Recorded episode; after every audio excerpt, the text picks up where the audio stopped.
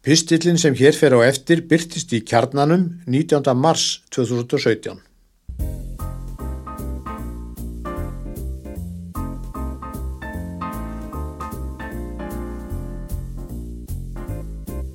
Köttur um kött, frá ketti til kattar.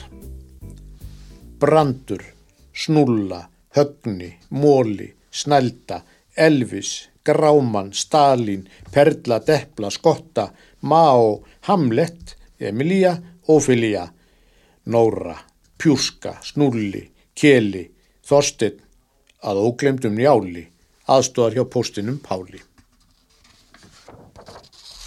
Þetta eru aðeins örf á þeirra nafna sem miljónir kattaeigenda um allan heim hafa gefið ferfætta heimilisvininum honum kísa eða henni kísu. Fullir það má að hvert einasta mannsbarn í veröld viðri þekki þetta dýr, köttin, sem kannski er ekki undarlegt því kettir eru lang algengasta gæludýrið á jarðar kringlunni, margfald fleiri en hundar og páfagaukar.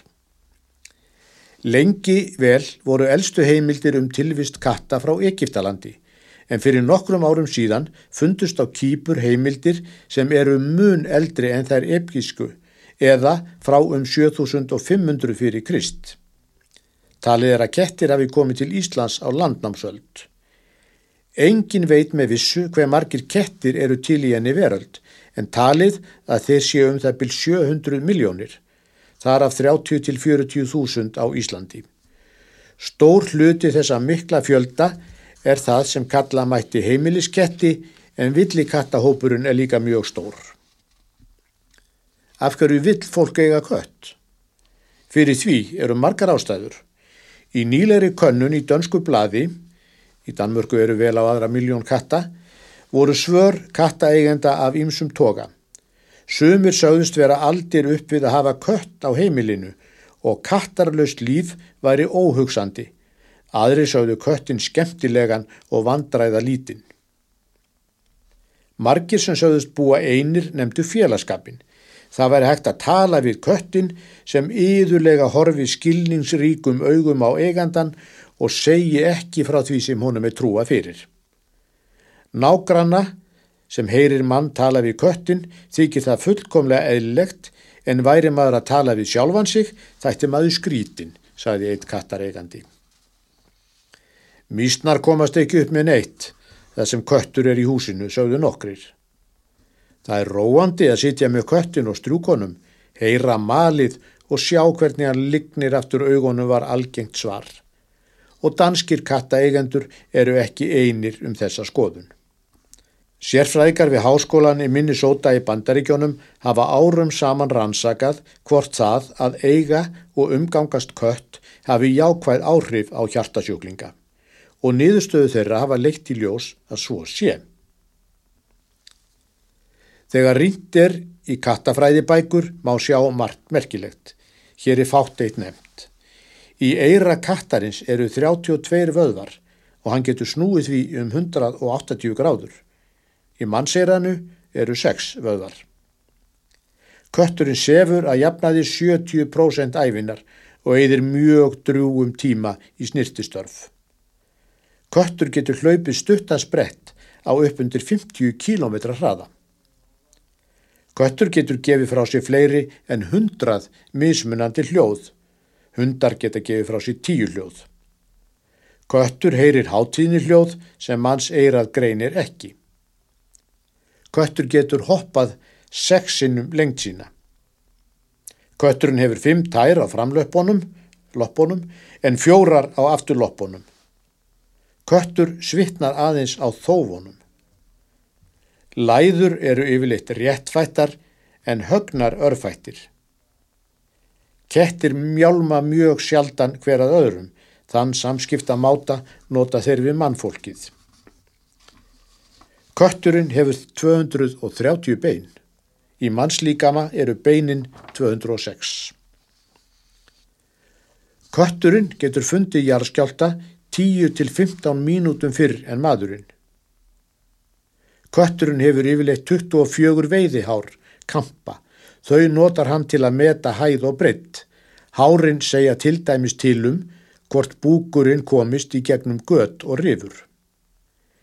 Engin tvö kattatríni eru nákvæmlega eins, frekarinn fingra fyrir fólks.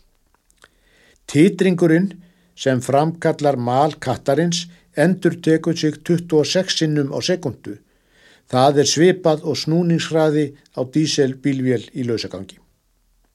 Mörg orð eru til í íslensku sem tengjast köttum. Talað er um að hinn eða þessi sé kattliðugur eða jafnvel kötturliðugur. Sumir eru kattribnir, nömt skamtað er ekki upp í nöðs á ketti. Það sem mistekst fer í hund og kött. Það að vera eins og grár köttur einhver staðar er yðurlega notað, sama gildir um að vera kattrifin. Að fara eins og köttur í kringum heitan graut skýrir sig sjálft. Það gerir líka leikur kattarins að músinni og köttur í bóli bjarnar. Allt tengist þetta og ímis fleiri orðatiltæki, hegðun og hæfileikum kattarins. Engin vil fara í jólaköttin. Eitt orð sem talsvert er notað er all sérstakt í þessu kattasamhengi. Það er þegar talað er um kattarþvott, óttalegur kattaþvottur. Það orð hefur neikvæða merkingu því engir aðrir, korki dýrnja menn, eða jafn laungum tíma á degi hverjum í að snirta sig. Endurskinsmerki á reyðhjólum og bílum eru yðilega kölluð kattaraugu, sögum þess að þau endur varpa ljósinu eins og augu kattarins. Lengi hefur verið til súkulaði sem nefnt er kattatungur, nafnið væntalega dreyið af löguninni. Kettir myndu aldrei líta við slíku því þeir eru ekki fyrir sætindi. Eru kettir gáfaðir? Svari við þessari spurningu fer nokkuð eftir því við hvað er miðað og kannski hver svarar. Mörgum kattaeigandum þykir sinn köttur gáfaður, oftast gáfaður en aðrir kettir. Eins og flest dýr býr kötturinn yfir mörgum hæfileikum. Þeir eru annars eilis en hjá manninum þótt vísindamenn segi heila kattarins ekki ólíkan mannsheilanum. Kettir geta lært marga hluti, oftast praktiska, en eitt er það sem þeir neyta algjörlega að taka mark á sama hvernig eigandin skammast og brínir röstina. Það er að leggja af veiðiskap. Þeir eru alltaf á útkikki. Ef allt gengur upp, koma þeir stoltir með bráðina, til dæmis mús eða fuggl, og leggja fyrir fætur eigandans og skilja ekkert í uppnámi eigandans sem fagnar ekki þessari björg í bú. Kettir eru tækifæri sinnar, engum þegar kemur að næringa hliðinni. Margir kattaeigendur þekkja það að kötturinn er kannski komin í fæði hjá nágrannanum og ástæðan auðvita svo að það er betra í bóði en í eldhúsinu heima.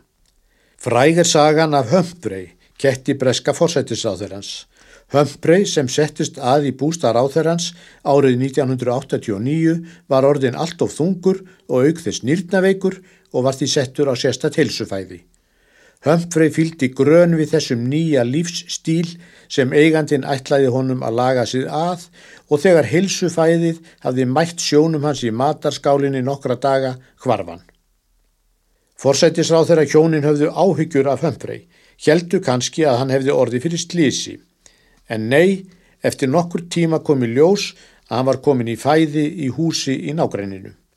Á þeim bæ var ekkert heilsu jökk í bóði eins og Hömfrey hefði öruglega orðað það ef hann hefði mátt mæla. Bara almennilegt kattafæði. Hugmyndir um heilsu átak Hömfreys voru að mestu lagðar á hilluna og hann gaf upp öndina, væntanlega sattur og sæll, í mars 2006.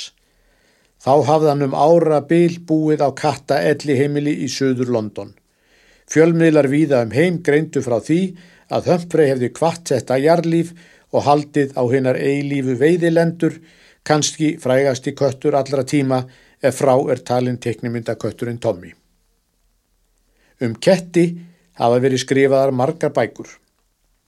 Eins og óvenjulegasta er líklega svo sem bandaríski tónlistamæðurinn Charles Mingus sem var mikill áhuga maður um ketti skrifaði. Þessi bók eða bæklingur heitir The Charles Mingus Cat-alog fyrir Toilet Training Your Cat. Hún fjallar um það sem nafni gefur til kynna klósett þjálfun fyrir ketti.